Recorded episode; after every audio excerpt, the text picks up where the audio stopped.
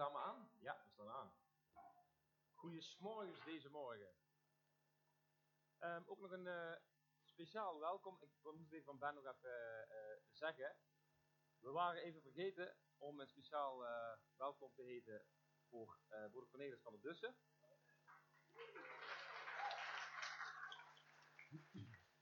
Bij het ontbreken van Roelie, tante Roelie, dachten we, we willen toch graag een Van der Dussen uitnodigen Nee, maar het heeft een hele andere reden dat u hier bent. Dat zult u dadelijk uh, nog, uh, nog zien.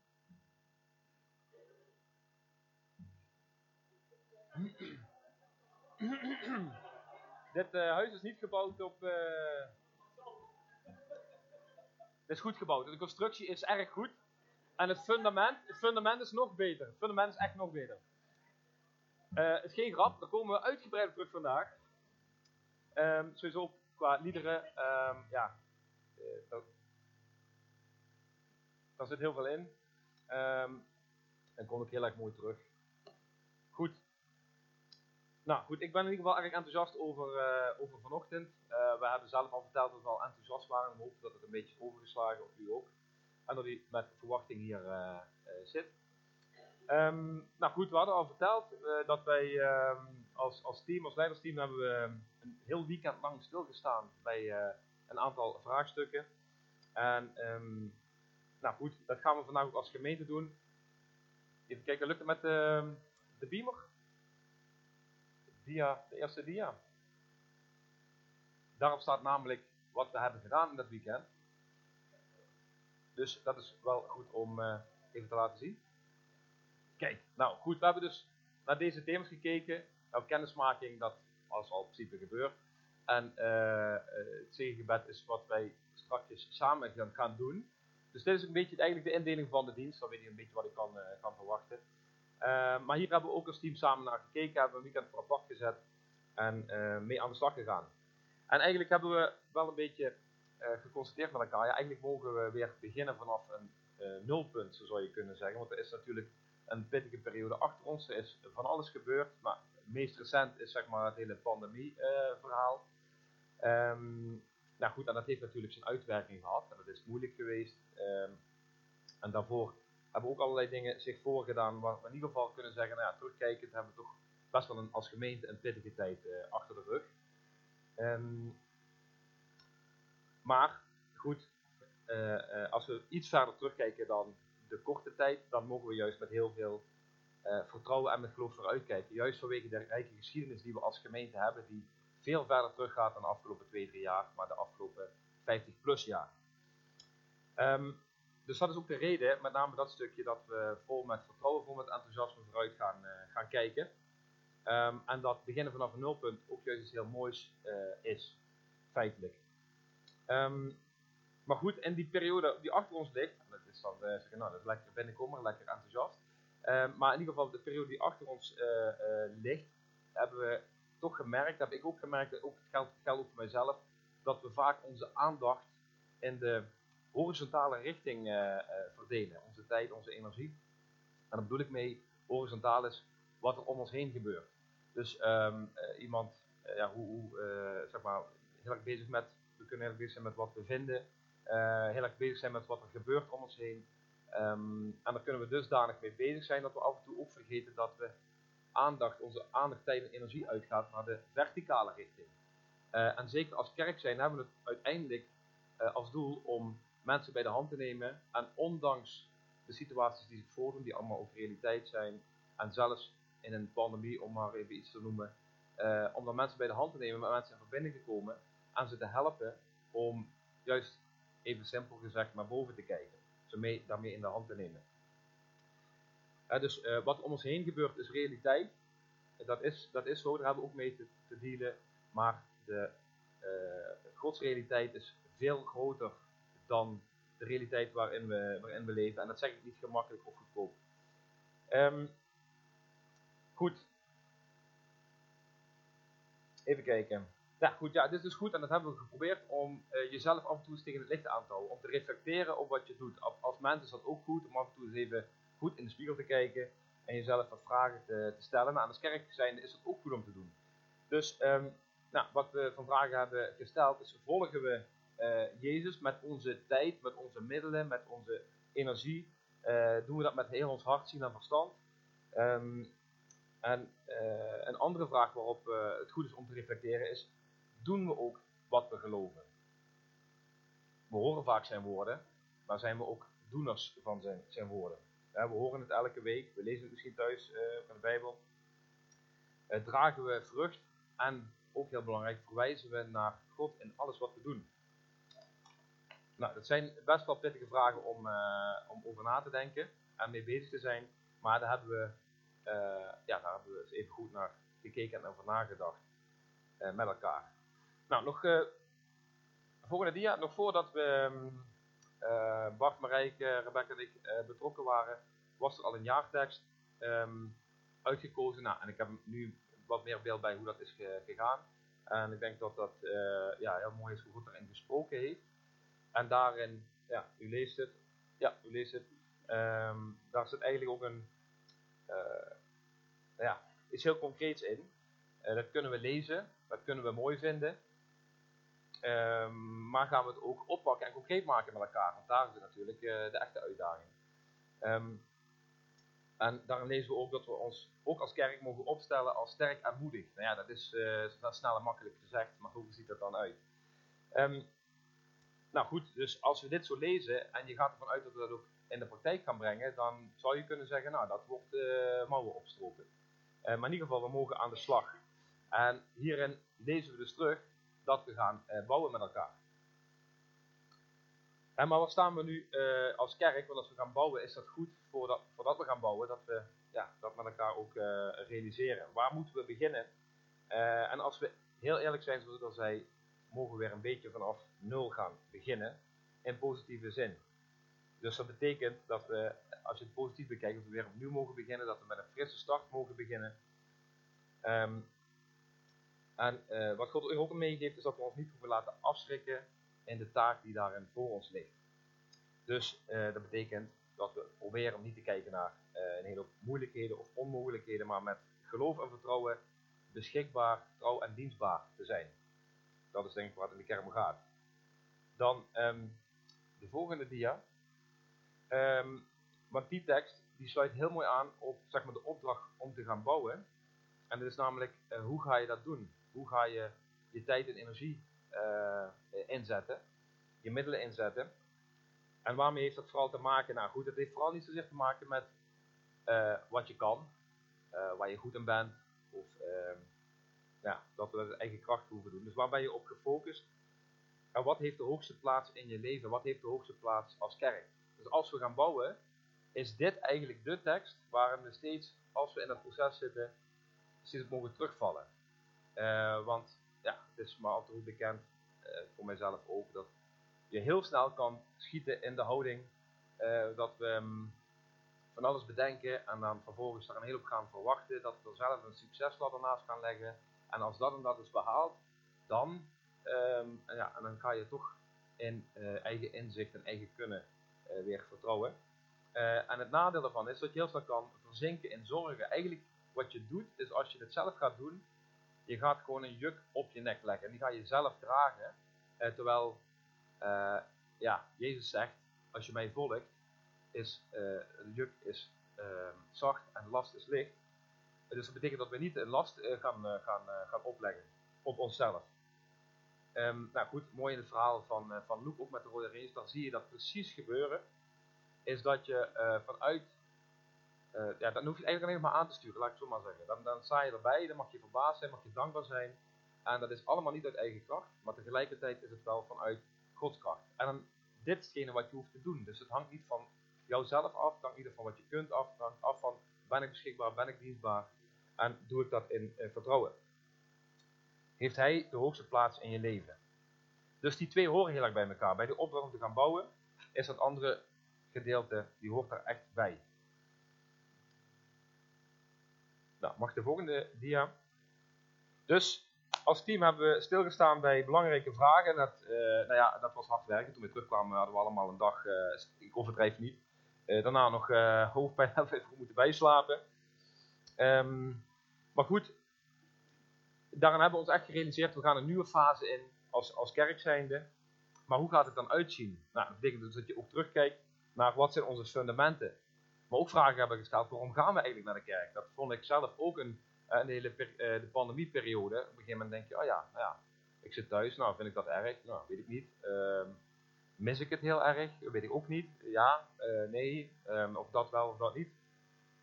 Um, kan ik geloven zonder kerk? Ik noem maar eens even, dat zijn best wel ja, vragen die dan in één keer op je afgevuurd worden. en nou, dan ga je daarover nadenken. En daarom is het ook goed, het is ook geen, uh, zeg je dat zijn, zijn, spannende vragen, maar het is wel goed om af en toe eens even stil te staan. Maar ja, waarom um, ga ik naar een kerk? Waarom gaan we naar een kerk? Waarom zijn wij er eigenlijk? Dat zijn um, ja, belangrijke vragen. Maar ook wat is het doel van de kerk? Wat zijn persoonlijke kernwaarden? Wat zijn de kernwaarden van onze kerk? Wat is de missie van de kerk? Want dat is vaak waarom je naar een kerk gaat. Um, maar goed, dat heeft ook te maken met je persoonlijke waarom-vraag. En hoe ziet die missie dan daaruit? En zien we dat terug in onze eigen kerk? Wat is onze identiteit? Wat is onze cultuur? Uh, hoe gaan we die bewaken? Hoe gaan we dat doorgeven uh, aan de volgende generaties? Dus um, dat zijn allemaal vragen die we gesteld hebben. En um, als je dat helemaal afbelt, kom je uit op de hamvraag. En dat is de why-vraag, de waarom-vraag. Um, dat is namelijk, als je die vraag kan beantwoorden, dan kun je ook antwoord geven op waarom doe je wat je doet. En waarop baseer je al je keuzes? Dus welke richting ga je op? Dus die vraag is wel echt belangrijk om die even goed uh, tegen het licht aan te houden. Maar dat betekent ook dat je dan, als je dat weet, en je weet wat bijvoorbeeld je missie is, dat betekent dan ook dat we gaan af, oké, okay, dan gaan we dan ook keuzes maken gebaseerd erop. Dan gaan we ook handelen. Dat betekent, dan gaan er dingen misschien anders uitzien. Dus dat betekent nogal wat. En in die zin vind ik het heel erg um, uh, een hele pittige bijbeltekst waarin Jezus zegt, wil je mij volgen? Dan gaat het je heel veel kosten. Berekende kosten. Als je mij wil volgen, berekende kosten. Uh, als Jezus, ik zou beseffen van ja, als je mij gaat volgen, en dat heeft verder geen consequenties, anders dan, nou ja, dan gaat je leven erop vooruit en leven uitzien en dat was het. Uh, dan zouden er geen consequenties aan zitten. Maar Jezus zegt heel goed, als je mij volgt, dan gaat het ook wat betekenen. Dan leg je je leven af, los van het feit dat je hem zal winnen, maar goed, dat is even een prik op zich. Um, maar dat gaat je wat kosten. Dus uh, dat, dat is ook zo'n waarom-vraag. Waarom wil ik Jezus volgen? Want als ik dat doe, dan betekent dat ook echt wat. En natuurlijk, uh, ik hoop voor u dat ik die vraag kan beantwoorden waarom dat zo is. Um, maar waarom heb je je leven aan hem gegeven? En als je dat weet, dan, ga, dan doe je dat met, vooral met heel veel vreugde. Maar goed, dat is nogmaals, laat me niet verleiden om daar een hele preek nu aan toe te gaan wijden. Um, maar goed, dus die waarom-vragen hebben niet zozeer met invulling te maken. Maar daar kunnen we ook vaak op zitten. Ook als kerk zijnde, eh, persoonlijk ook, dat we heel erg in de vorm zitten. En we kunnen vaak hetgene ja, wat we geloven en hoe we dat vormgeven, de waarde en de belangrijkheid daarvan, kunnen we nog wel eens omdraaien. En vaak hebben we een cultuur, hebben we gewoontes. Um, uh, in een bepaalde vorm. Nou, een paar liedjes in de zondagochtend, binnen een bepaalde tijd. Mededelingen, liedjes klap, klap, zing, zing, zing. Iemand komt wat vertellen. Nou, dan gaan we zeggen, ja, ja, vond ik fijn. Ja, vond ik niet zo fijn. Ja, dat vond ik goed, dat vond ik niet zo goed. Ja, ja, ja. Ga ik naar huis. En, um, ja, fijne dienst. Ja, ja, vond wel fijne dienst. Ja, ja, ik vond die spreker wel fijn. Nee, vond niet zo fijn. En, um, en trouwens, ik vond het ook. En de koffie ook niet lekker in de plastic bekers. We moeten ze passen doen. Dus, nou, dat soort dingen allemaal. Dus daar kunnen we heel erg veel mee bezig zijn. Heel veel tijd en energie in uh, uh, steken. Um, maar goed, dus de waarom-vraag, en dat wil ik maar zeggen, is leidend voor de beslissingen die we nemen. Dus het is gewoon echt goed om die vraag te stellen. Want als we niet weten waaraan we bouwen, waarom zouden we dan eigenlijk gaan bouwen? Dat is niet, even niet rottig bedoeld, maar dat is niet dat wij hier een leuke tijd alleen maar hebben. Dat is mooi, dat is een, een uitkomst, maar dat is niet het hoofddoel. Dus wat is de reden van het bouwen en wat is het doel van het gebouw wat we gaan bouwen? Dat is super belangrijk. Nou, als, als we achterom kijken, Zoals gezegd zien we een uh, moeilijke periode en zijn wellicht wat dingen aan het gebouw afgebroken. Maar als we nog verder kijken, je zag het net al, er wordt, ook iets af. Nou ja, dan hoe, schrikken, hoe willen we dat herstellen? Maar soms gaat God daarmee aan de slag. En um, bepaalt hij, zeg maar, wat, wat er even afgebroken wordt misschien. Maar als we verder terug gaan kijken, dan alleen maar die afgelopen periode die niet zo leuk was, dan zien we een hele rijke uh, zeer gezegende geschiedenis met een heel mooi, zeer gedegen fundament. waar heel hard aan gebouwd is, wat bloed, zweet en tranen ook gekost heeft, maar wat heel veel vrucht gedragen heeft, waardoor mensen hier in deze regio tot geloof zijn gekomen, waardoor kerken zijn gesticht, waardoor, waarin mensen zijn uitgezonden. In Nederland, in, in de landen zijn er hele hoop mensen met bedieningen die gigantische vrucht dragen. In België uitgezonden. Uh, en ver daarbuiten, dan denk ik aan uh, Brazilië, nou ja, heel veel plekken over de hele wereld. En dat is de vrucht van het fundament. En als we daar verder naar terugkijken, nou, ik een hele tijd geleden uh, in Commercie Rotterdam geweest. En dan zag ik een film over een fundament van Comensie. Nou goed, mensen die van de oude stempel zijn, oude garden, met alle respect zeg ik dit, maar die weten dat allemaal. Maar er is gigantisch veel uh, gebouwd aan het fundament. Maar dat is wel het fundament wel, wat, wat nu ook ons vertrekpunt is. Dus we mogen weer opnieuw gaan bouwen. Um, en daar zijn we enthousiast over. Daar, dat doen we met heel veel geloof. Maar met name omdat we terugkijken wat God heeft gegeven en hoe hij dat fundament heeft gebouwd. Je gaat dadelijk een stukje zien, een wat langer stukje. En daarin ziet hij heel duidelijk, en probeert ook met dat oog te bekijken, wat heeft God gegeven hoe is Commercie ontstaan? En dan gaat het niet om de naam Commercie of organisatie Commercie, maar dan gaat het over, God heeft uh, een kerk gegeven, een gemeente gegeven, heeft een bepaalde kleur gegeven, heeft een bepaalde cultuur gegeven. Uh, en hij heeft dat ook uh, vrucht laten dragen. met een bepaalde kleur en met een bepaalde identiteit. Dus, um, samenvattend, voordat we dat filmpje gaan zien, we gaan in ieder geval met elkaar een nieuwe fase in. Dus probeert u dat vooral vast te pakken en um, nou ja, probeer dat te onthouden. We mogen opnieuw gaan bouwen, maar dat is iets positiefs. Dat is weer uh, een nieuwe rol, een nieuwe kans, om maar even zo te zeggen. Het is wel zo dat het gebouw er hier en daar waarschijnlijk er iets anders uit zal gaan zien qua vorm. Um, en dan heb ik het niet over de plastic bekers of porseleinen maar dan heb ik het over iets andere uh, dingen. Dus het zal er iets anders uit gaan, zien mogelijk als dat gaat bijdragen aan waarom we dat gebouw gaan bouwen, als we dat met elkaar helder hebben. En dat gaan we doen op het fundament die God ons al gegeven heeft. Mag ik het filmpje laten zien?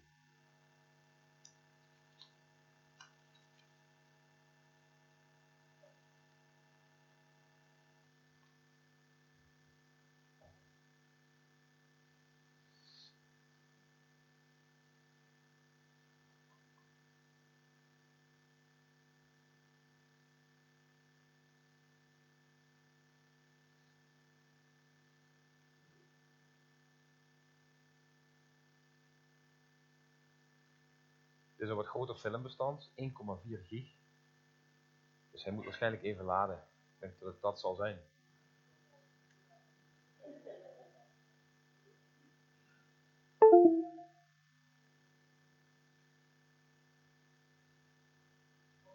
Yes.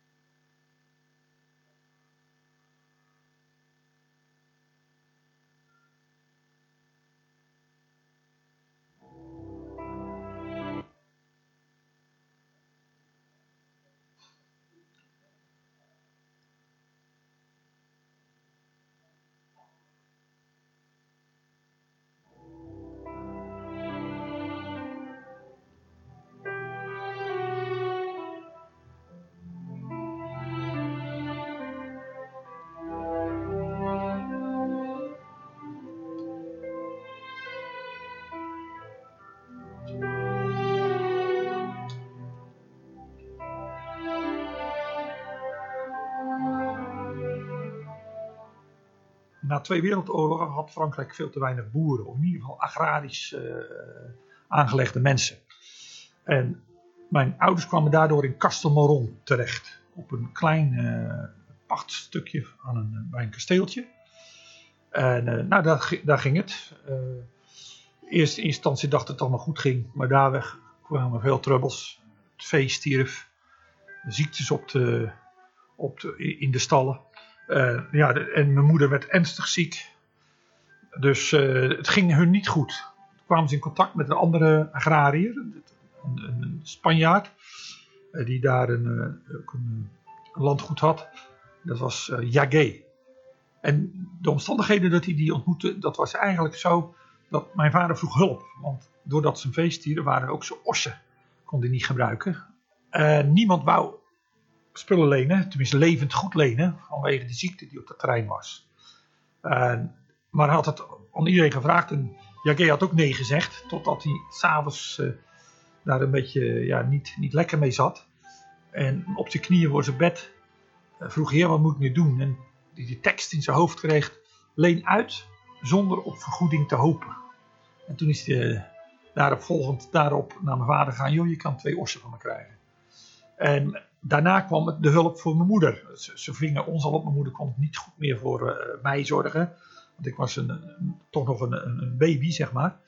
En uh, anderhalf jaar. En, en dat, dat, ging al slecht. En mijn zus, die was dan uh, drie. En een andere zus was een jaar of zes, zeven. Die werden opgevangen door die vrouw. En toen zei hij een keer tegen mijn ouders, toen echt het, het, het, het waterende lippen stond op de ziekte. Mijn moeder werd naar huis gestuurd. En hij zegt, nou, het is afgelopen. U moet rekening houden dat, eh, dat u gaat sterven. En toen zegt hij, ja, joh, waarom kom je niet een keer mee naar onze kerk? Want wij bidden daar voor zieken. Dus op een soort van bed hadden ze haar neergelegd in een, eh, in een auto buiten de kerk. En toen die man aan het eind van de dienst oproep voor zieken deed, toen hebben ze mijn moeder gehaald en hebben ze naar voren neergezet. En toen zei die man, en dat is het getuigenis van mijn moeder, je komt niet tot mij, maar tot God. En op dat moment dat als een bliksemvliegt ging dat in haar gedachten, haar verstand. Want ja, ze stond dicht bij de dood. En ineens besefte dat ze voor God zou komen. En dat ging haar helemaal bezighouden. Ze hebben ook eigenlijk niet meer gemerkt dat, ze, eh, dat er voor haar gebeden werd voor genezing. En eh, zo is ze naar huis gegaan. En uh, na zes weken, toen was ze nog in leven. En kreeg ze ook een beetje energie terug. Toen zegt ze, de wasvrouw, was er dan een toeval. De wasvrouw die kwam niet. En toen uh, zegt ze, nou ik pak een stoel, ga ik zelf die was wel doen. Dat was anders uh, gewoon ondenkbaar. En toen zat ze zo uh, de was te doen. En toen kwam mijn vader eraan en die zag haar daar zo zitten. En die met een grote vloek zegt hij, wat ben jij nou toch aan het doen? En zo en zo. En toen besefte ze ineens, hoe kan ik dat inderdaad doen? En toen had ze allemaal een zwachtsel om de benen, voor, omdat ze bloedziekte waren ook wonden en zo niet meer genazen. En toen deed ze de, de, de verband van de been af. Toen bleken die wonden allemaal dicht te zijn. Nou, en toen ineens wist ze dat ze genezen was. En, en dus haar lichaam ook helemaal hersteld.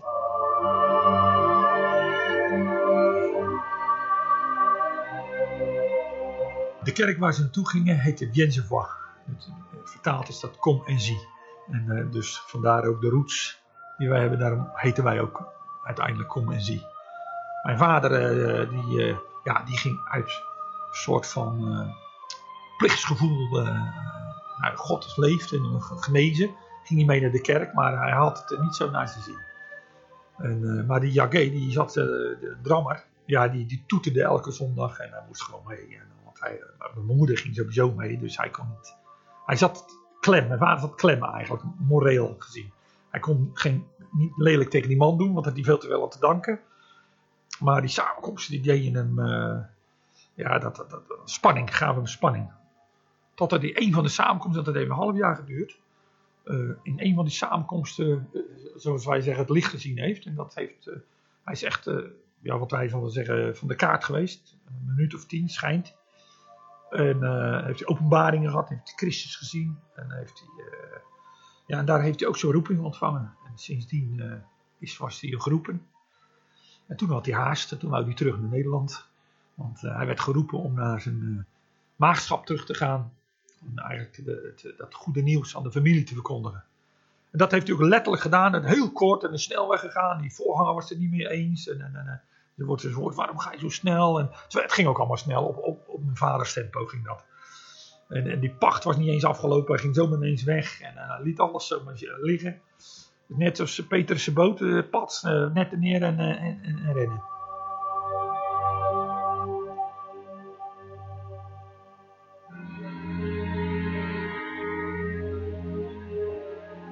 kerk waar ze uitkwamen.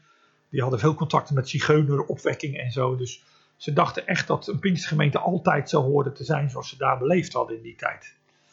En die vonden ze niet. Maar inmiddels was de huisgroep, die ze toch wel in de familiesfeer begonnen waren. En inmiddels aan de Schollevaartse weg woonden we. Was uitgelopen tot een flinke eh, groep, toch wel, ik meen een man of veertig. En dat werd een gemeente eigenlijk. Ja, dat ging ook, moet ik zeggen, met wonderen en tekenen. Hè? Want er was in die familie zien waren er veel uh, gekende ellende. Echt heel ernstig ziek. Uh, mentaal ook. En, mijn vader die ging voor ze bidden, die ging ze bezoeken. En die kwamen tot, tot enorme bevrijdingen en totale genezingen. En dat ging als, als klokslag. Hè? Dat was geen, geen pastoraal proces. Mijn vader was helemaal geen pastoraal aangelegde mens. Die dacht, je moet bidden. Dat zit, God is de pastor, weet je wel. Ja, de onrust zoals mijn vader was, uh, moest evangeliseren. Dus, uh, en, en, hoe? En toen had hij toch het slimme gevonden dat hij met films van Oral Roberts en Osborne, die natuurlijk die machtige opwekking geweest was. Want hij vond zichzelf niet goed preken. Hij zei, ik laat die film zien. En dan doe ik daarna de uitnodiging. Uit de wateren van de zee. Uit de regen die van de hemel valt. Door het wonderbare licht van de zon.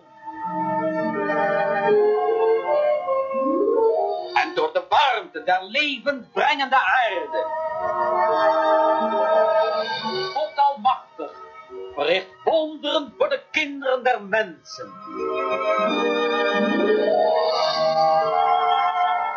En op een gegeven moment kreeg hij een soort, uh, ja, een soort droom zo, dat, er, dat, hij, dat rondreisde met een, met een uh, rijbare zaal. Nou, toen kocht hij een, uh, een onderstel van een, een, militair voertuig voor niet al te duur. En hebben ze het ding helemaal doorgebrand van voor tot achter. Dus dat is 12 meter lang of zo was dat ding. En, en kwamen allemaal tot geniale, laten we zeggen, oplossingen. En zo werd het met uitvouwbare wanden, ging die, werd dat omhoog gedaan en werd het eigenlijk een zaaltje van 120 tot 150 man. En dat, ja, daar heeft hij ruim 15 jaar uh, tot tegen de 20 jaar wel mee gewerkt, door heel Nederland en België.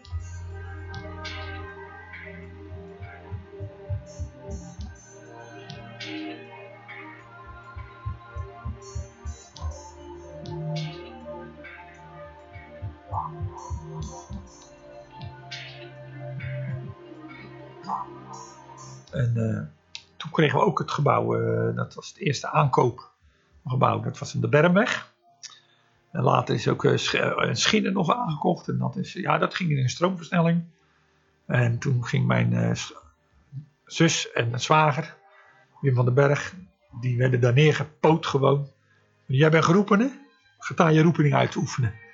En zo werden ze daar neergezet. Dat was het. Als je een roeping had, moest je ook niet meer zeuren dan was je roeping, dan deed je alles. Zo dachten ze. Ik denk dat ze een beetje gelijk hadden.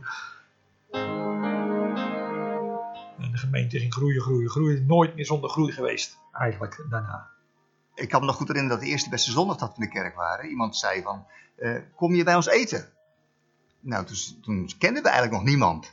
En toen was het gelijk aan tafel van, zullen we ons even voorstellen? Ik ben Jaap, is Jenny en uh, hoe heten jullie? Nou, dat was commercie. De sfeer van Frankrijk werd echt overgenomen. Dus de kerk was hun, hun totale uitje. Maar hun hobby, maar ook hun leven. Dat, daar leefden ze de hele week na.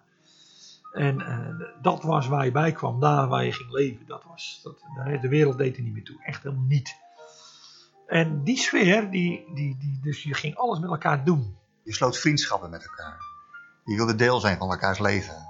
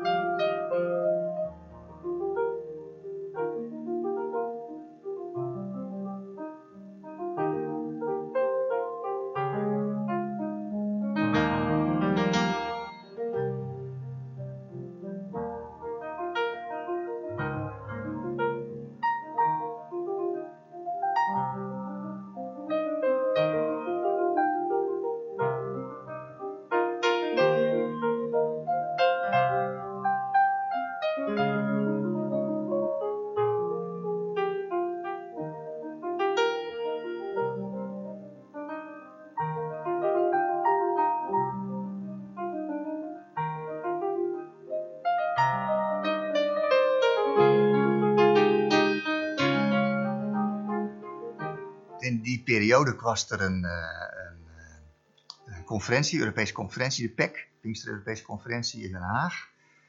En als gemeente zouden we daar aan deelnemen. Voor die ene gelegenheid zou er een koor komen. En liedjes schrijven. Ja, en klederdracht om het echt Hollands te maken. Dat kwam dan weer bij mijn moeder op natuurlijk. Al die, al die, al die, eh, hoe daarom kwam, dat weet niemand. Dat is, en dan ook klompendans. De echte, echte, want ze had iets, iets anti-Vrooms over zich. Maar de, de broeders van toen, zou ik maar zeggen, die hadden, zagen het helemaal niet zitten. Om, om dan zo'n klompen dan, zo'n wereld iets, zou ik maar zeggen, op dat podium te doen. Maar in die tijd tante Anja mijn koor van, joh Jaap, we gaan die klompendans doen hoor. En het idee was, we gaan een plaatje maken. hè. Dat was een 45 toeren plaatje in die tijd. Ja, eh, eh, ja, ja, maar het werd een dikke mooie LP. Ik denk, oh, waar haal ik nou de liedjes vandaan? Dus een gitaar onder mijn bed. En ehm, s morgens vroeg als ik wat had, Jen, lijkt het ergens op? Is niet gepikt. Maar God heeft gewoon liederen gegeven. Geniaal gecomponeerde liederen. Niet eh, overgedaan of zo. Nee, allemaal van hemzelf. En zelf geschreven. Zelf geïnspireerd in de nacht op de piano. Eh, het is tijd, de tijd. En ga zo maar, gaat die liederen maar na. Het zijn echt, echt het is perfect gewoon. Ja, soms dan, dan had je een eh, idee of een thema. Ik kwam niet verder dan een kleuterdreun. Het zou niet eens bij Sinterklaas zou passen. Maar toch, ja, moet toch iets, hè? En toen kwam Psalm 62, zat ik Psalm 62 te lezen in de Bijbel. En voor, voor mijn idee liep dat gelijk als een lied. En toen werd waarlijk mijn ziel eigenlijk zo vanuit de Bijbel met, met nootjes eronder en werd het een lied. Dus ja, soms stond ik erbij, keek er ook naar. Ik vond het een hele bijzondere ervaring. Ik heb daarin ook gewoon wel echt gemerkt dat als je iets voor God wil doen, dat God te vertrouwen is. Waarlijk mijn ziel keert zich stil is mijn heil. Waarlijk mijn ziel keert zich stil tot God, mijn rots en mijn heil. Mijn schuilplaats is in God. Nou, veel enthousiasme altijd gezongen, ook campagnes. En, en bleef niet bij één gelegenheid. Want eh, ja, toen we er eenmaal waren, toen, eh, ja, toen bleef het koor hangen. And this singing group's name is Come and See Choir Aus Rotterdam, Holland. from Rotterdam in Holland. Halleluja. Hallelujah. Als Frankfurt zegt dat ik wel muziek hoor, dan eh, kom je gelijk bij Reinhard Bonk uit. Ja, spectaculair. En, een, een zaal, ik dacht, iets van 30.000 mensen bij elkaar.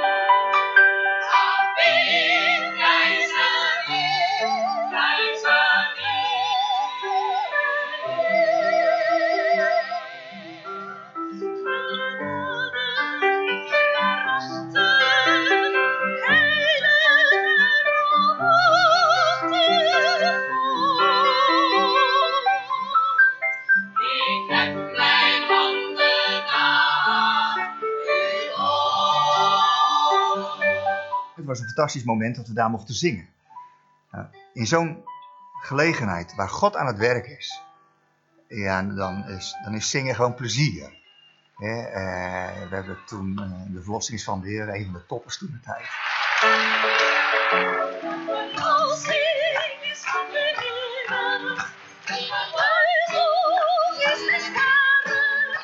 Er wordt gedanst daar in die zaal. Reinhard Bonker ging dansen. Echt, we hebben een fantastische bijdrage geleverd. Ja, ja het koor is echt geweldig.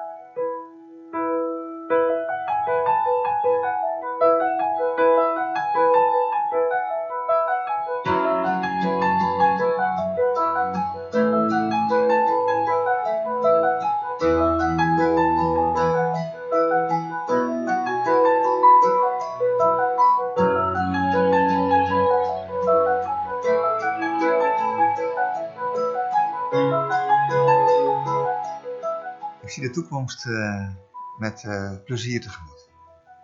Ik zie eh, nieuwe mensen, nieuwe generaties, twintigers, dertigers, midden in het leven staan, maar ook midden in de gemeente willen staan. Mensen die zeggen van, wij willen het karakter van Commercie behouden, maar willen meedragen de toekomst in. Ik vind het echt een leuke gemeente met leuke mensen. En gewoon, eh, ja, mensen om van te houden. Er zitten mensen met universitaire opleidingen, professors. En mensen die zo van de straat naar binnen rollen. eh, en met hart en ziel samen eh, dienen het Koninkrijk van God. Dat is commercie. echte geloof zit in de eenvoudige mens. Daar gebeuren de echte wonderen. Die bidden voor hun kinderen, bidden voor hun families, die bidden voor hun dingen. Dus als jij wonderen en tekenen in je kerk moet hebben, zal je zeer zorgvuldig moeten zijn met eenvoudige mensen in je kerk. En de intellectuelen moeten een knieval doen, moeten in nederigheid. Als zij niet naast mij op de kerk, in de kerkbank zitten, ben ik mijn wonderen kwijt. Als je dat beseft, dan ben je een commissair. Ik denk dat niemand beter als Cornelis dat beseft. Cornelis zal nooit zeggen, het is dankzij mij of dankzij mijn vader. Want hij beseft altijd heel goed die gewone mensen die al die jaren daar gebleven zijn. Die trouw geweest zijn, die meegegaan zijn. Eh, wat er ook gebeurde, ja, eigenlijk God bleven dienen en elkaar trouw bleven. Dat is voor mij echt christen zijn. Er zijn zoveel leuke mensen in Compassie. Dus ik vind het gewoon een leuke kerk.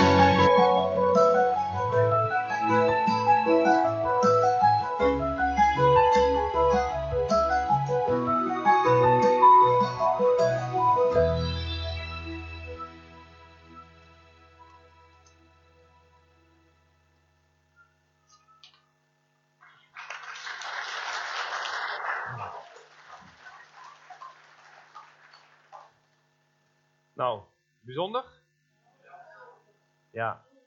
Het is mooi eh, om eh, te zien hoe dat fundament is ontstaan. Hoe God dat eh, heeft bewerkt. En ook mooi, eh, Cornelis, dat je vandaag hier in ons midden bent en wilt zijn.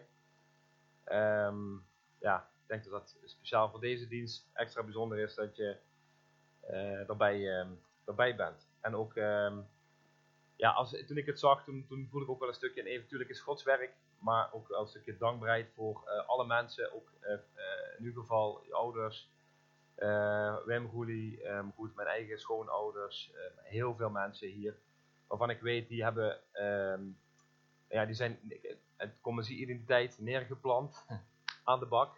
Ehm, hoe zeg je dat netjes? Niet praten, maar poetsen. Ja, dat is de nette versie, hè.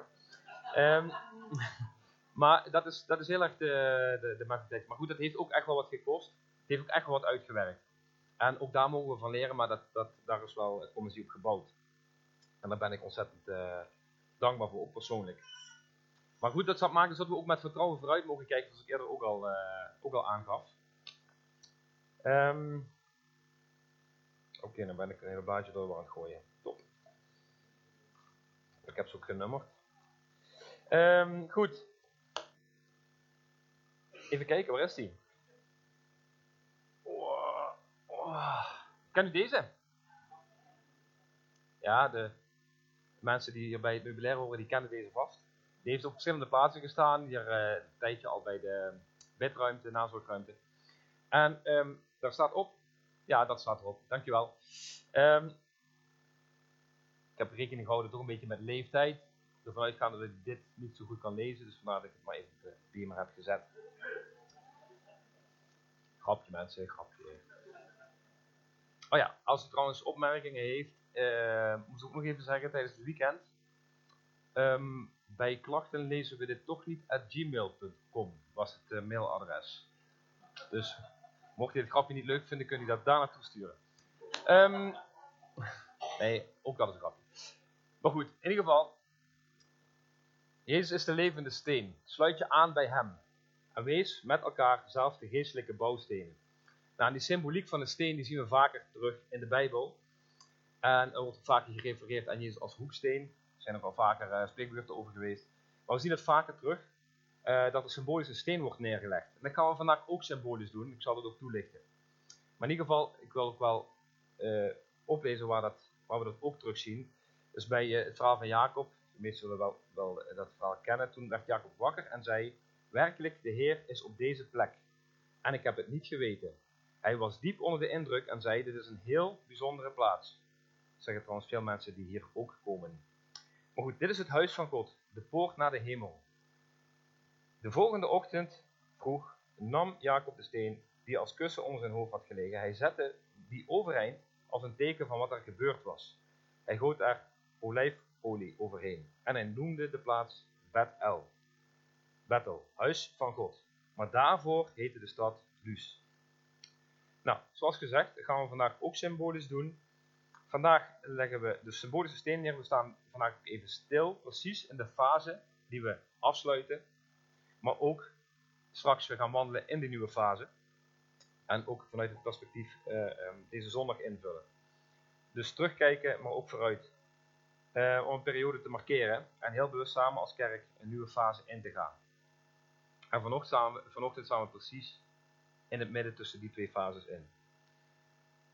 Er zal van alles voorbij komen, maar als je onthoudt, we gaan een nieuwe fase in, is dat, uh, is dat genoeg. Um, de mannen die zo heel sterk waren. Ah ja, Zet. Jij was dat. Kom even hier. Uh, ja. Dit is de onthulling van de steen die we gaan neerleggen. Dus even dat u weet uh, wat er nu gaat gebeuren. En die zal hier voorlopig even blijven staan. En uh, hopelijk mag dat helpen denken aan de fase waarin we in zitten. En waarin we met vertrouwen en met geloven en met enthousiasme vooruit gaan kijken. Markeren van het bouwen. Opnieuw weer mogen gaan bouwen. Lukt dat? Maar hier daarnaast.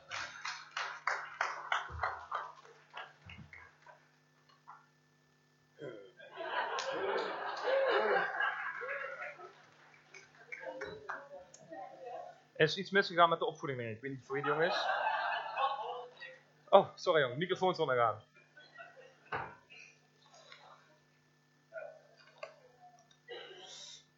Nou, dus dit is de onthulling van de steen. Er zal nog een mooie tekst komen, die komt eraan, is onderweg. Uh, en die zal uh, precies uh, vertellen en uitleggen. Um, ja, goed, die gaat dat zien. Kom ik op terug. Um, we gaan vandaag dus niet allerlei modellen presenteren aan u en zo gaan we het doen en zo ziet dat uit. En zo gaan we de taken verdelen, dat is zeker niet de bedoeling. Wat betekent het wel? Uh, is dat we gaan kijken met welk doel gaan we samen aan een bouwplan werken. Wat houden we voor ogen als we onderweg zijn? Wat vinden we belangrijk als we dat bouwplan gaan uitwerken met elkaar samen? Wat is onze identiteit? Hebben we net gezien. En wat zijn de kaders die God gegeven heeft, hoe we die kaders in gehoorzaamheid gaan invullen?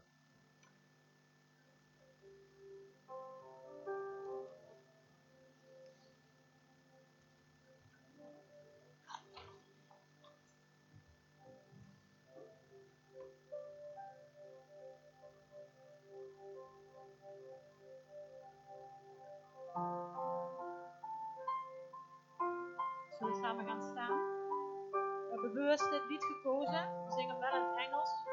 Christ alone is onze cornerstone, onze hoeksteen.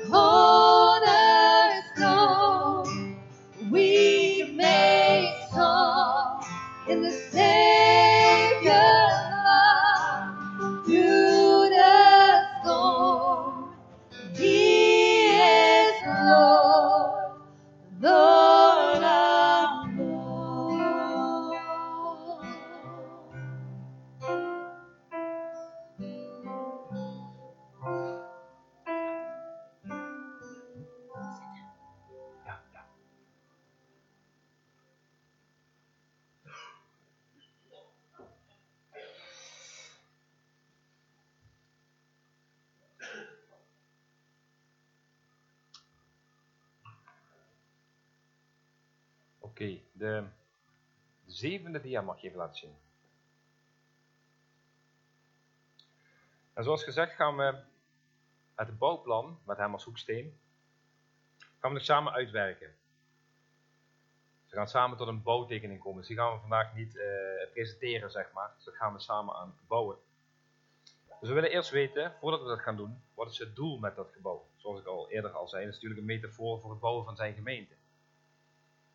En als we gaan bouwen, dan is het ook goed om te realiseren dat een gebouw heeft af en toe aanpassing nodig. eh heeft ook onderhoud nodig. Maar blijven, eh, blijven we gericht op zijn leiding, dan durven we dat ook te doen, hè, die aanpassingen. Dus dat is daarin heel, eh, heel belangrijk. En ook het besef dat hij zijn gemeente bouwt. Dat is ook heel belangrijk. Dat wil niet zeggen dat we ons verstand gaan uitschakelen. Hij heeft ook kaders in, in gegeven. En, ehm, ehm, maar dat we niet gaan bouwen op basis van eigen inzicht, meningen of, of wensen. Want ja, we kunnen zeggen, nou, dat, dat vind ik eigenlijk wel fijn op een zondagochtend. Dus laten we het zo doen. Of zeggen van, oké, dat is ons doel. Wat, wat, of dat is Gods doel, moet ik zeggen. Eh, en dan gaan we dat doen vanuit gehoorzaamheid, vanuit dienstbaarheid. En vooral ook vanuit een verlangen. Nog weer de volgende dia. Even kijken of ik Ja. Dus we hebben gekeken naar fundamenten. We hebben een steen neergelegd als markering van een nieuwe fase die we samen ingaan. En we gaan nu kijken naar onze missie. En er valt veel over te zeggen. Ehm, zoals ik al zei, dat we niet op ons eigen inzicht gaan vertrouwen of zelf succesladers gaan bepalen en dus gaan we die kant uit. Er zijn allerlei modellen en studies te vinden over als het gaat over missie. Ehm, en die modellen kun je heel gemakkelijk op de kerk plakken. Zeven stappen naar succes, modellen naar groei, et cetera, et cetera.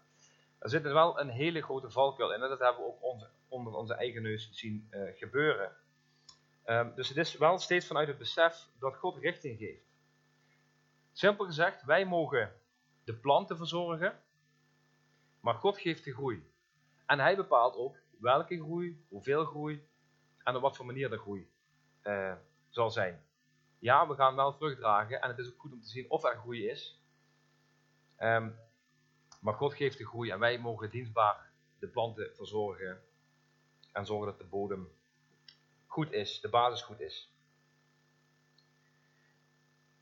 Goed, dus belangrijk is om te beseffen dat als het over een missie gaat, dat wij ehm, eh, ja, dat niet zelf gaan, eh, gaan verzinnen. Want ehm, als het over missie gaat, dan hoeven wij dat echt niet meer te bedenken. Dus als u had verwacht van nou, nu gaat het leidersteam gaat er vertellen, nou dit is onze missie.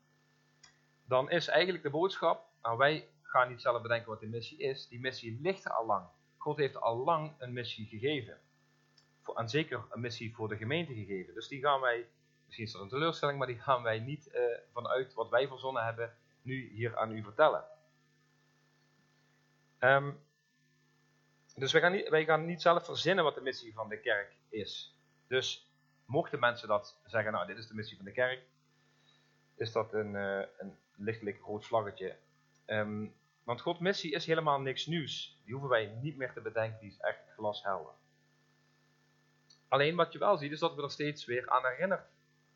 Kennelijk hebben we dat nodig, moeten er weer even aan herinnerd worden. Vaak verschuiven we onze aandacht door alles wat om ons heen gebeurt.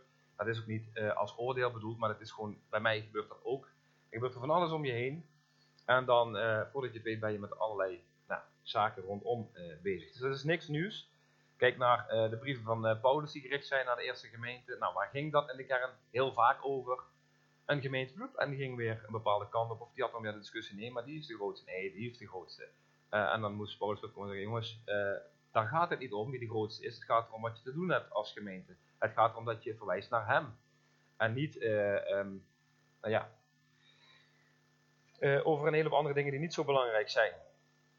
Maar missie zorgt er ook voor als we dat helder hebben, dat we niet zaken belangrijk gaan maken die niet belangrijk zijn. En andersom, dat zaken die belangrijk zijn, een beetje erbij laten hangen. Dus God bouwt zijn kerk en dat betekent niet dat we rondjes gaan drinken en rondjes gaan blijven draaien en niet nadenken over hoe we datgene geloven ook praktisch gaan maken en handen en voeten gaan geven. Dus richting is wel degelijk belangrijk. Nou, en om dat te illustreren waarom richting belangrijk is en missie belangrijk is, heb ik een kort fragmentje. Mag je even... different countries. And uh, here we are at the start of the first event of the afternoon, the second semi-final of the 100 yards for people with no dus. sense of direction. snel mogelijk naar Uh, toe. distributing the competitors, lane 1, Skolomovsky of Poland, lane 2, Zanapatika of France, lane 3, Grobovich of the United States. Next to him, Drabble of Trinidad, next to him, Fernandez of Spain, and in the outside lane, Orman of Brazil. Well, that was Ja. different countries. Uh, Dus, heel belangrijk dat je richting hebt. Dat je weet waarom je aan het trainen bent, waarom je op die atletiek- atletiekbaan heel vroeg staat. Ehm, waarom je die kleren aandoet, waarom je die schoenen hebt. Noem maar op. Ehm, maar hij is duidelijk. Dus, de volgende dia. Dus waarom is het wel degelijk, ook al gaan we het niet zelf verzinnen, wat Gods missie is, maar waarom is het wel degelijk helpend om duidelijkheid te hebben wat betreft je waarde, je missie en je visie. Daardoor maak je namelijk heel doelbewust keuzes tijdens het bouwproces. Het gaat helpen om tot je doel te komen, maar ook om dicht bij jezelf te blijven als het bijvoorbeeld over die waardes gaat die je hebt. En in Matthäus 5, eh, vers 13 tot en met 16, geeft er eigenlijk een hele belangrijke context weer. Dus ja, we mogen het hebben over missie, visie en waarde, maar we gaan het er niet van verwachten. Het is een hulpmiddel. Ehm, dus als je missie hebt, wil je dat je daarin vruchtbaar bent. Ook als kerk, je wil natuurlijk wel vrucht dragen. Want als kerk hebben we de allerbeste, mooiste en nog veel belangrijker, alles veranderende boodschap voor mensen die mensen helemaal verandert tot in de eeuwigheid. Iets groters bestaat er niet. Nou, en die boodschap hebben wij. Dus, dan is het logisch dat wij tot doel hebben om dat zo goed mogelijk over te brengen en er zoveel mogelijk vrucht in te dragen. Niet omdat wij dat willen, maar we mogen er wel over nadenken. Dat is het doel. En we hoeven niet mensen te overtuigen, dat, is, dat doet God. Maar het is wel aan ons om die boodschap over te brengen. Mensen daar bekend mee te maken. Krijgen ze dat van ons te horen? Krijgen ze dat van ons te zien? Nou, dat zijn vragen die we ons mogen blijven stellen als we doelgericht willen zijn als kerk. Maar binnen die context ehm, van waarde, missie en visie zit precies, uh, in deze bijbeltekst komt die, die ehm, ja, dat is precies de context als het gaat, kerkelijk gezien, over die waarde, missie en visie. U bent het zout der aarde. Maar als het zout zijn smaak verloren heeft, waarmee zal het dan gezouten worden? Het deugt nergens meer voor dan om weggeworpen uh, en door mensen betrapt te worden. U bent het licht van de wereld. Een stad die boven op een berg ligt, kan niet verborgen zijn. En ook steekt men geen lamp aan en zet het vervolgens onder de korenmaat, maar op een standaard. En hij schijnt voor allen die in het huis zijn. Laat uw licht zo schijnen voor de mensen, dat zij uw goede werken zien en uw Vader, die in de hemelen is, verheerlijken. Oftewel, samengevat, waarom denken we nou over missie? Gods missie is dat wij hem zichtbaar maken. Zichtbaar voor iedereen en overal. Goed zichtbaar. Uh, het doel is dat we vrucht dragen, dat we zijn goede werken laten zien. Waarom? Zodat mensen God zien en hem verheerlijken. Dus als kerk is het mooi dat we in Jezus geloven natuurlijk. Maar de echte vraag is, volgen we Jezus als zijn discipel? En dat is vervelend, zoals ik eerder ook al want dat heeft ook implicaties, dat betekent iets. Dat vraagt iets van ons. Uh, doen we ook wat wij geloven? Volgen we hem of doen we ook wat wij geloven? En als we daar al ja op kunnen antwoorden, dan zal deze Bijbeltekst ook van ons van toepassing zijn. Dus deze Bijbeltekst kun je gewoon af en toe lezen en dan ga je kijken, oké, lopen die twee naast elkaar? Is, is dit een omschrijving van ons als kerk?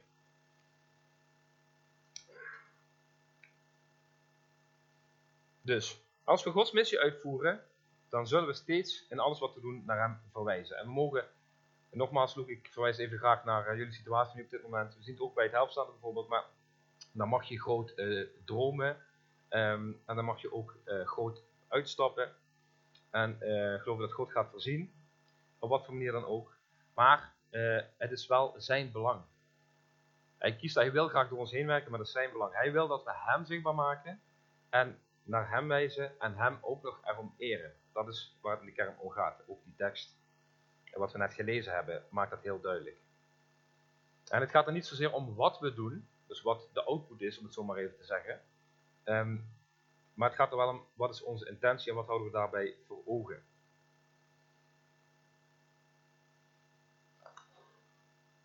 Goed, dus waarde, visie, missie is allemaal helpend om richting te geven, maar ook een stukje duidelijkheid te geven. Het geeft namelijk inzicht in wie je bent als het over waarde gaat, waarvoor je staat. Uh, maar je kan ook anderen duidelijk maken waarom je doet wat je doet. Um, wat je samen voor ogen hebt. En door visie kun je uitleg geven aan hoe je invulling geeft aan die missie. Om weer terug te komen bijvoorbeeld van het gebouw. De missie is de reden voor het gebouw, waarom je het gebouw gaat gebruiken. De visie gaat over hoe je het gebouw gaat bouwen, hoe je de ruimtes indeelt en op welke manier je het gebouw gaat gebruiken. En de kernwaarde is dat je tijdens het bouwen en tijdens het gebruik van de ruimte um, dat goed bewaakt met elkaar, dat goed beschermt, maar ook goed kan doorgeven. Als het ware de kleur van het gebouw. Uh, yes. Nou, dia 11. Yes, dankjewel. Nou, we hebben apart gezeten en dan zijn we ook gaan nadenken over de waarden. Daar is eerder ook al het een en ander gezegd. Jullie hebben daar zelf ook het een en ander over opgeschreven en we hebben dat nog eens tegen het licht aangehouden. Um, maar goed, waarde zegt dus vooral iets over je identiteit, je kleur, je cultuur, uh, hoe mensen met elkaar omgaan. Waar hechten we heel veel waarde aan. En kernwaarde gaat eigenlijk nog een stapje verder. Uh, dat zijn waarden die over jouw kern gaan. Um, wie je bent als de kern overblijft, zo zou je kunnen zeggen. Dat soort waarden hebben we het dan over. En het uh, fundamentenfilmpje zag je al heel krachtig, hè, wat die waarden, waarden, waarden waren. Um, daar zag je er een aantal heel erg sterk terug. Ehm, kijk, we kunnen natuurlijk gewoon de inhoud overgeven of overdragen van wat we geloven. Maar we worden ook uitgedaagd, zoals we net hebben gelezen, om dat smaak te geven, om dat kleur te geven. En dat mag je doen met een bepaalde identiteit die God gegeven heeft. Dus daarom worden we eh, eh, uitgedaagd om dat met overtuiging te doen, het zout der aarde te zijn. Ehm, dus hoe laat je, op welke manier laat je dan zien wat je gelooft? Nou, in volgorde zijn we hierop uitgekomen, nogmaals niks nieuws. Ehm, maar de kernwaarden voor en zie, zo gaan we ze ook communiceren, je zult het ook vaker terugzien. Maar dat zijn eh, deze kernwaarden. Geloof, verbinding, liefde, compassie en groei. Ik ga er nou even niet te veel inhoudelijk op in, maar er zit wel een hele hoop in. We hebben nog een heel jaar, dus we kunnen nog verder terugkomen. Um, goed, dia 12. Het gaat er dus niet om dat wij als klein groepje mensen, want het leidersteam is niet de kerk, uh, even voor de goede orde. Um, maar het gaat dus niet om dat wij iets bedacht hebben en vervolgens dat gaan vertellen aan u. En dat gaan we presenteren. Maar het gaat er wel om dat deze missie, uh, dat we als we stappen gaan zetten met elkaar, dat we dit steeds voor ogen hebben.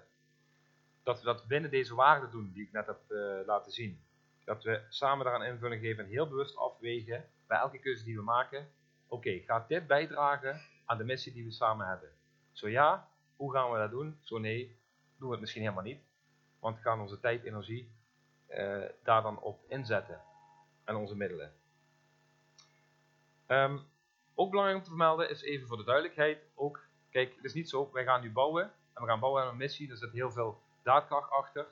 Um, en dat kan het gevoel geven, oké, maar nu moet ik wat. En als ik het niet doe, dan uh, ben ik nou geen goed christen of uh, moet ik nou iets gaan verdienen. Dat is allemaal zeker niet het geval. U bent Gods geliefde kind, daar hebben we vorige week mooi, uh, mooie boodschap over gehoord. En dat doet er allemaal niets aan af wat u doet. U bent niet wat u bent, u bent ook niet een taak. Um, dus dat is belangrijk om dat ook vast te houden. Tegelijkertijd is het wel zoals u zegt van ja, maar ik ben zo dankbaar en blij en gepassioneerd en ik wil zo graag meebouwen aan Gods huis en aan zijn missie. Ja, dan willen we daar natuurlijk samen wel het gesprek over aangaan en uh, dat heel serieus nemen. Um, ja, en het mooie is denk ik ook als het, als het is vanuit een diep verlangen, omdat we hem uh, willen volgen, omdat we hem willen dienen, dat we dankbaar zijn voor wat hij persoonlijk heeft gedaan, hier in de gemeente heeft gedaan. Um, en ik weet ook dat er veel mensen al betrokken zijn, al meebouwen, en afgetijd ook gewoon hebben door meegebouwd. Um, en ook dat vanuit verlangen doen en niet zozeer vanuit verplichting. En ook weet dat er ook heel veel mensen zijn die dat verlangen ook hebben en op dit moment de omstandigheden even niet doen. En dat is allebei helemaal goed. Zo gaat het leven ook. Um, en ieder zit er in zijn eigen fase. En dat, dat mag er gewoon zijn. Dat is ook het mooie ervan, dat God u voor ogen heeft en ook uw proces voor ogen heeft. Dus dat is wel even belangrijk, wil ik wel even gezegd hebben. Um, en ook nog een dingetje is, de valkuil van onze identiteit is een beetje taakgericht zijn. Dat is het doel, daar gaan we starten, 100 meter, bam. En ondertussen verliezen we misschien allemaal mensen, kijken we niet achterom, want dat is de visie, dat is de missie. Nou, en daarom zijn die kernwaarden dus zo belangrijk dat we elkaar voor ogen houden daarin. Um, enerzijds. Anderzijds, andere kant van de medaille, is nou ja, wat je bij taakgerichtheid ook veel ziet. Ik noem maar even het voorbeeld van kinderwerk. Sorry Angela, als ik, uh, ik, ik, gebruik jou even maar als voorbeeld of hetgene wat je, uh, wat je doet. En maar aan je gebouwd uh, hebt en, doet. Um, weet je, vaak is het oké, we moeten het rooster invullen. Ja, er moet wel iemand zijn voor de kinderen. Um, oké, wil je dat doen? Ja, taak. Vervolgens gooit iemand er met een pet naar, meldt zich niet af, bereidt geen programma voor. Ja, we zeggen maar niks, want dadelijk stopt hij met zijn taak. Ja, dan hebben wij een probleem. Of draaien we het om. En zeggen we, wij vinden het investeren in onze kinderen zo belangrijk, want dat zijn de discipelen maken, dat doen we, beginnen we bij onze eigen kinderen. Hun geestelijke groei, hun gezondheid en welzijn, nou, hun weg naar volwassenschap vinden we zo belangrijk, dat als je zegt, ik wil daaraan meebouwen, gaan wij van tevoren het gesprek aan. Dit is wat wij belangrijk vinden en daarom vragen wij dat je het programma goed voorbereidt. Dat je daaraan trouw bent. Dat als je echt niet kan, dat je dan even op tijd afmeldt. Omdat we dat zo belangrijk vinden. Niet omdat we dat vinden, omdat we voor jou iets willen of dat je iets moet. Maar we vinden dat zo belangrijk en daarom vragen wij dat. En als jij denkt daar goed over na, als je daar ja tegen kan zeggen, dan vinden we dat heel fijn en dan gaan we samen bouwen. Als je daar geen ja tegen kan zeggen, dan gaan we je niet afwijzen. Alleen, dan is kinderwerk misschien niet de plek voor jou. Daar mag je eerlijk in zijn. omdat je het zo belangrijk vindt, omdat je de kinderen zo belangrijk vindt en die missie dus zo belangrijk vindt, die we verantwoord handen en voeten willen geven. En als jij ja zegt om dat te doen, ben je dan een taak in het vullen of ben je dan mee aan het bouwen aan de missie? Aan het investeren in de kinderen. En dat is een heel belangrijk verschil. Dat is een beetje wat ik bedoel met taakgericht of ben jij mee aan het bouwen. Goed, missie. Wat is Gods missie? Want ik had gezegd, die gaan wij niet bedenken. Die is er al. Ehm, ja, dankjewel. Goed bezig. Ja, het is degene die de beamer heeft vandaag, heeft even een hele pittige taak. Dus moet even extra opletten. Dus dankjewel. Uh, je doet het supergoed. Um, Gods missie. Nou ja, je ziet hier een bepaalde volgorde in. En dan zou je al een contour van de visie in kunnen ontdekken. Maar daar blijven we nog even van weg. Uh, blijf even bij Gods missie. Maar als je uh, Gods missie ziet, mag ik even, sorry, bij de vorige dia nog even, dia 13. Die, ja, perfect. Um, die horen bij elkaar en die zijn eigenlijk verbonden met elkaar. En in het weekend uh, wat we gehad hebben, nou hebben we twee dagen, um, ja, hebben we eigenlijk van jou mogen le leren, Cornelis, hebben we samen met jou over mogen, dingen mogen nadenken. En is het ook aan bod gekomen. We hebben er ook over nagedacht en gesproken. Um, en dat was mooi om dat weer even de aandacht op te, te leggen en daar weer bewust van te zijn. Nou, Marcus 16, 15 tot en met 18, ik lees het even voor. Maar dit is stap 1, want een christen doet wat hij gelooft en deelt zijn geloof. Hij gaat erop uit. Nou, Marcus 16, 15 tot en met 18, die we 15 en 16 voor. Toen zei hij tegen hen, trek heel de wereld door en maak aan alle schepselen het goede nieuws bekend. Wie gelooft en zich laat dopen, zal gered worden. Maar wie weigert te geloven, zal veroordeeld worden. Dus degene die uitgaat, kan op verschillende manieren, hè, als je uitgaat. Hè. Dus dat wil even niet zeggen dat is op een appelkistje hier in de stad. Dat kan op verschillende manieren door met mensen in verbinding te komen en het goede nieuws bekend te maken.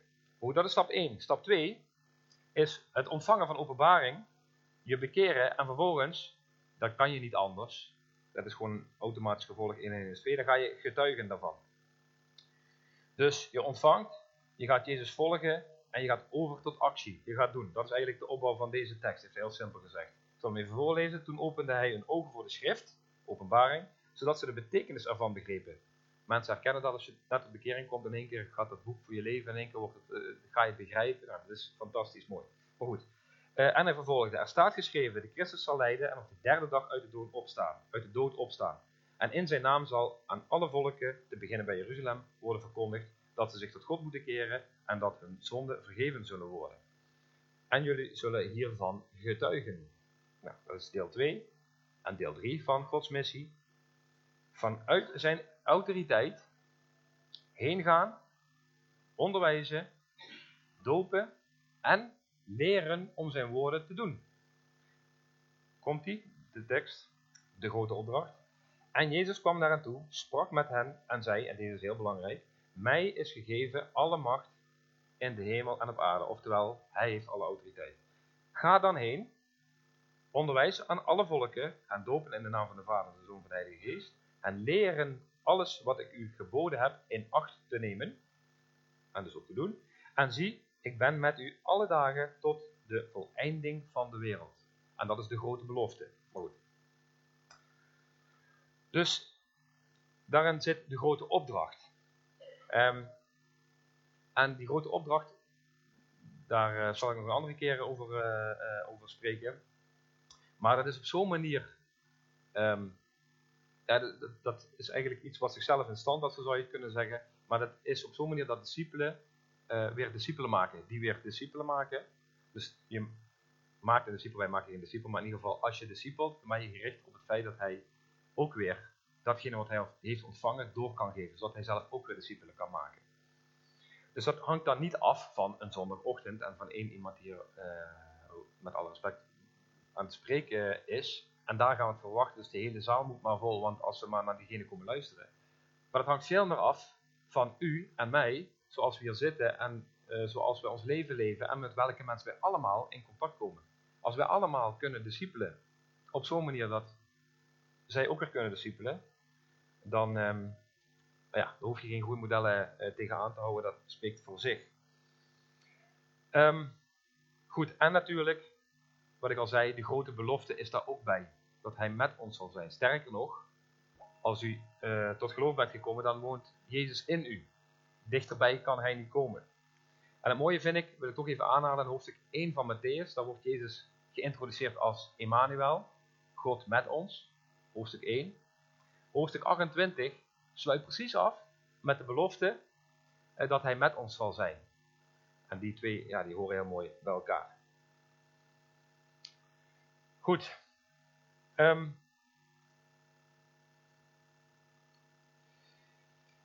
ja. We hebben samen eens gekeken naar de fundamenten als kerk zijnde. En hoe God die aan ons gegeven heeft. In het filmpje hebben we dat gezien. We hebben eh, naar de kernwaarden gekeken, naar de identiteit, cultuur. En eh, aan Gods missie en bouwopdracht voor ons. En vanuit het besef gaan we dus een nieuwe fase in, ehm, die duidelijk in de jaartekst terug te lezen was. En we gaan als kerk weer bouwen aan Gods missie. Dat is wat we gaan doen. Dat is wat deze nieuwe fase markeert. En daarnaast wilden we, ehm, om dat te duiden, wilden we één zin meegeven die dat eigenlijk allemaal omvat. Die kernwaarden, fundamenten, missie. Eh, en die dat goed verwoordt.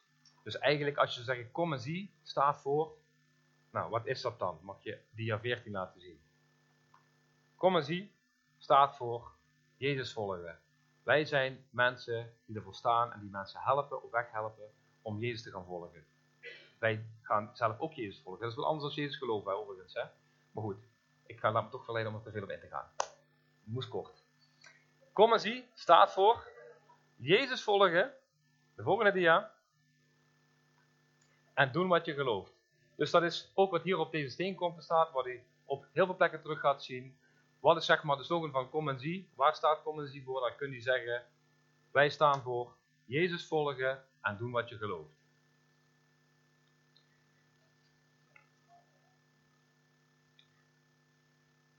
Goed, doelgericht zijn is heel goed, maar weet dat het bij God altijd om de mens gaat.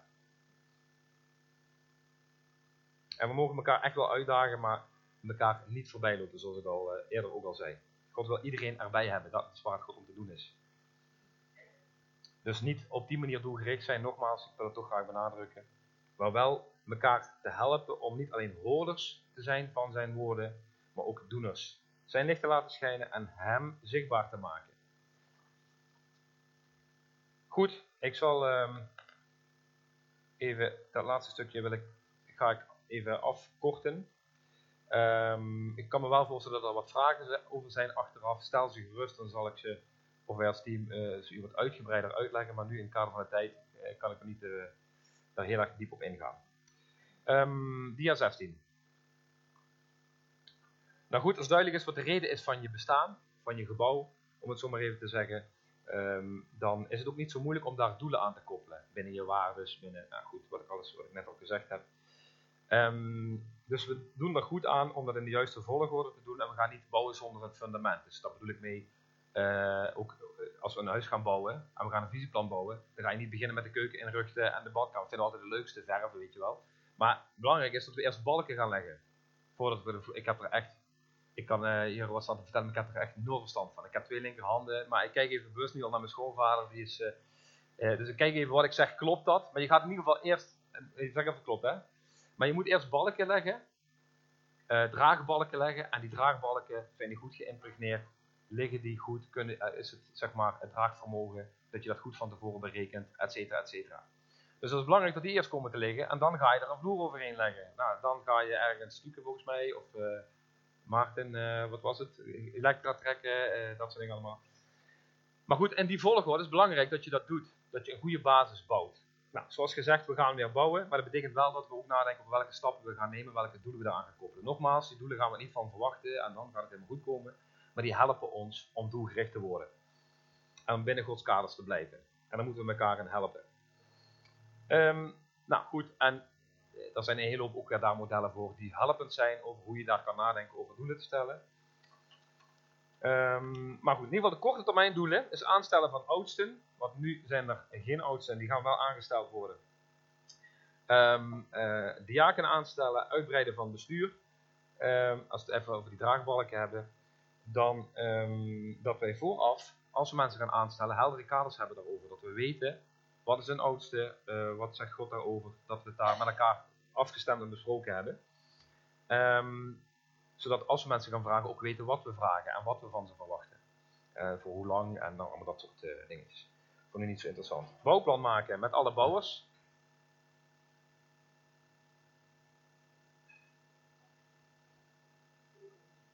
Ah.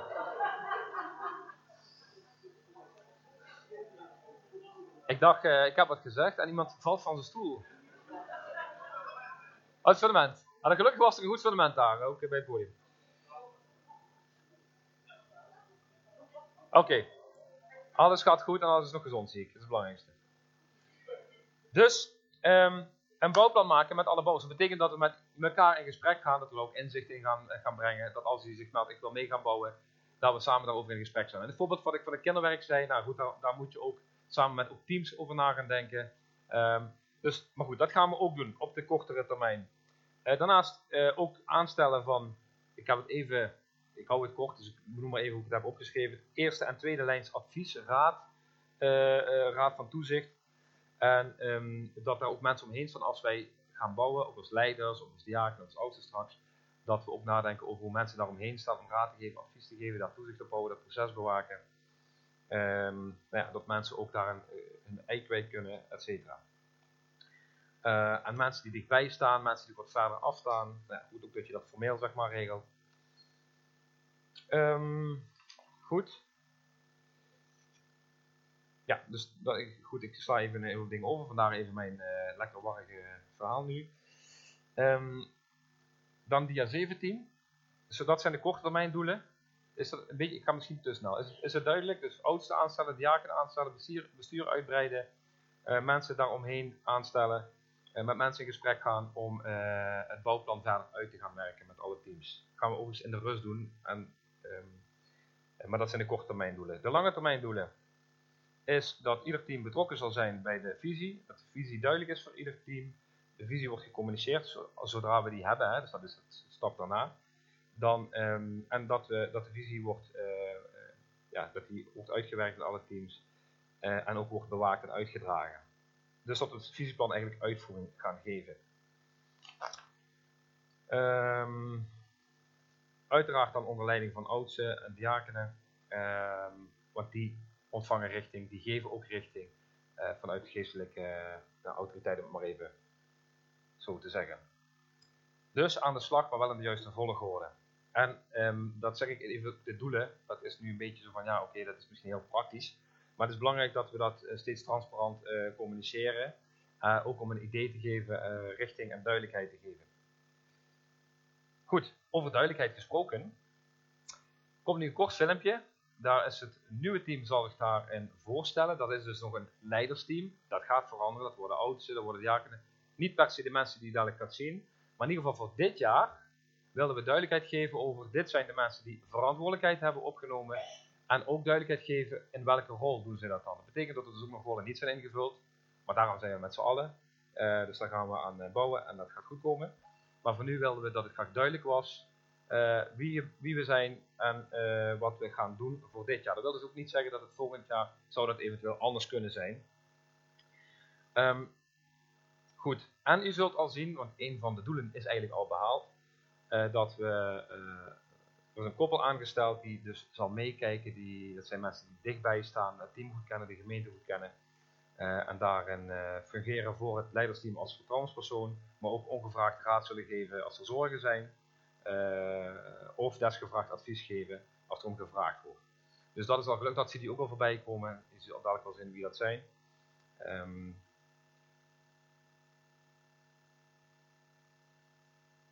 ja. Dus, bij deze, wij dachten het filmpje is wat korter, want als iedereen hier gaat staan, voordat je het weet, ben je steeds weer de hele tijd verder. Dus start het filmpje maar in, zou ik zeggen.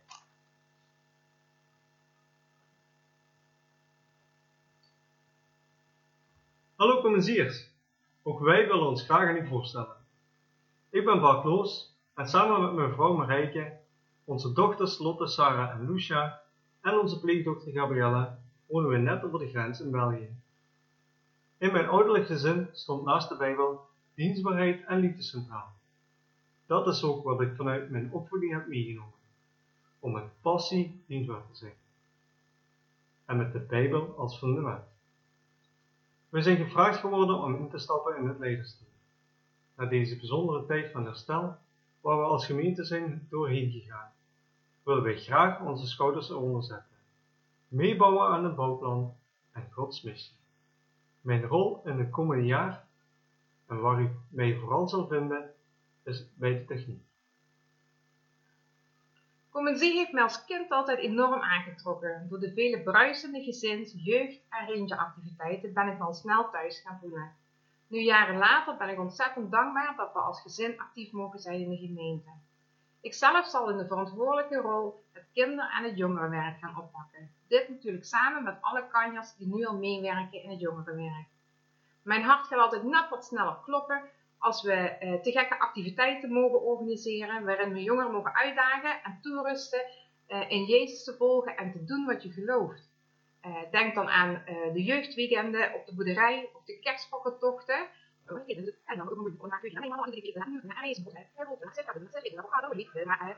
Nou, zoals u hoort hou ik ervan om de verbinding te zoeken in het organiseren van de activiteiten. Maar ook in het ontdekken van je gaven en talenten en het passend onderwijs willen we de jongeren leren wie God mag zijn in hun leven, maar ook in mijn leven. Goedemorgen beste mensen. Ik ben Martin en Annemarie. Klappers. En onze passie is heel duidelijk dat wij eh, graag mensen, jong christenen willen toerusten. Eh, ook connectie hebben met de mensen, dat is echt iets wat op ons hart ligt. En ik denk ook dat dat goed bij de missie past die wij eh, ja, samen ook als leidersteam eh, hebben opgesteld. Dat is Jezus volgen en doen wat je gelooft. Nou, in deze de komende tijd eh, wil ik bouwen en wil ik werken aan het stuk beheer.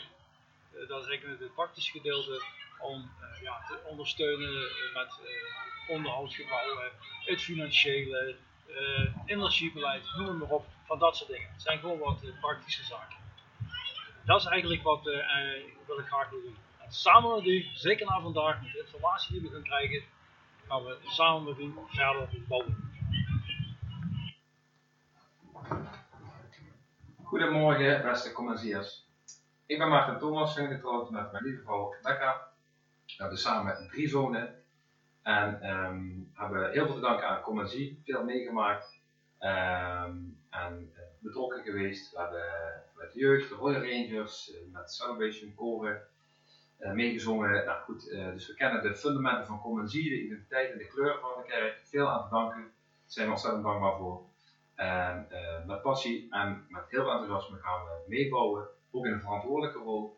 Eh, ik zelf zal eh, als bestuurder eh, betrokken gaan zijn in een voorzittende rol. En op die manier mee te kunnen bouwen aan het bouwplan voor komend jaar en vooral aan de missie en godsmissie die hij aan de kerk gegeven heeft. En samen, dat we samen Jezus mogen volgen, dat we ook mogen doen wat we geloven inderdaad. En mensen daarover mogen leren, mensen daarin mogen groeien, dat mensen dat ook mogen uitdelen. Ehm, en ja, ik zie er naar uit wat God daarin gaat doen. En hoe we dat samen mogen oppakken met, als gemeente met elkaar. Becky? Ja, ik heb ook natuurlijk er heel erg veel zin in om eh, mee te gaan bouwen. In eh, ja, de nieuwe fase waar we nu als, eh, als kerk ingaan. Ehm, waar ik me vooral mee bezig ga houden is zeg maar een beetje de jaarplanning, de agenda. Dat houdt in de invulling van de diensten, thema's, feestdagen, activiteiten. zodat we die ja, leuk kunnen invullen eh, op de manier en de kleur van hoe wij als community zijn. En ook eh, in de lijn eh, van de missie die we, die we samen gaan uitdragen. En eh, daar heb ik heel erg veel zin in. Ja. Yes. Hi, ik ben Bijmen. En ik ben Naomi. En samen met onze drie kinderen, Esmee, Levi en Ilja, zijn we al heel wat jaartjes dienstbaar binnen Conventie Schinnen. Zelf ben ik 22 jaar geleden de drempel overgerold, maar Naomi al vanaf haar geboorte. Ja, ik ben geboren en getogen commensier. Ik heb mijn hele leven al mogen zien hoe mijn ouders zich dienstbaar opstelden binnen Commensie. En dat voorbeeld mogen wij volgen en hebben we eigenlijk altijd al gevolgd. Op dit moment ben ik nog actief als aanbiddingsleidster en ben ik actief als jeugdleidster. Ja, ik ben daarbij actief in het geluid en bij de livestream die we nu sinds enkele jaren hebben. En de meeste mensen kennen mij misschien ook nog van het organiseren van de Pinksterweekenden. Iets wat we samen altijd heel graag hebben gedaan. Sinds twee jaar zijn we nu ook onderdeel van het leidersteam. Iets wat we met heel veel passie en heel veel vreugde doen. Wat wel heel spannend was, maar ook weer heel leuk. En zeker als we zien naar de afgelopen jaren waarin we ook herstel hebben gehad. En nu ook samen mogen gaan kijken met de uitbreiding van de rest van de leiders naar eh, bouwen. Samen weer bouwen aan een nieuwe bruisende gemeente. Ja, en als we gaan kijken voor het komende jaar, betekent dat voor ons dat wij het aanspreekpunt zullen blijven voor het dienstenteam. Waarbij ik me vooral het aanspreekpunt ben voor de muzikanten en voor de zangers. En Ben zal vooral het aanspreekpunt zijn voor alles wat techniek is. eh, dus de livestream, het geluid en de beamer. Ja, daar waar ik Naomi mag ondersteunen als uh, dienstenteam, uh, mag ik ook andere leiders ondersteunen in eventueel administratieve of ja, andere behulpzame functies. en hopelijk kunnen we weer gaan kijken naar het organiseren van leuke evenementen, waarbij we dus ook weer echt die verbinding mogen brengen. En we zien vooral uit naar de missie van dit jaar, missie 2022. Jezus volgen en doen wat je gelooft. Amen. Goedemiddag, ik ben Harry Thomassen en dit is Etty Thomassen. Wij gaan ons het komende jaar uh, inzetten voor uh, het bewaken van het proces wat in onze gemeente uh, ja, zich aan het ontwikkelen is, aan het uitvouwen is. En wij willen graag daarin een soort van coördinerende, controlerende, minder, maar meer toezichthoudende rol om alle voorkomende zaken die ja, een antwoord vragen, om de, het team te bemoedigen, te versterken en ervoor te zijn. Dat is een kort eigenlijk wat wij willen gaan doen de komende tijd. Ja. Tot zover deze lezing. Ja. Nou, mooi.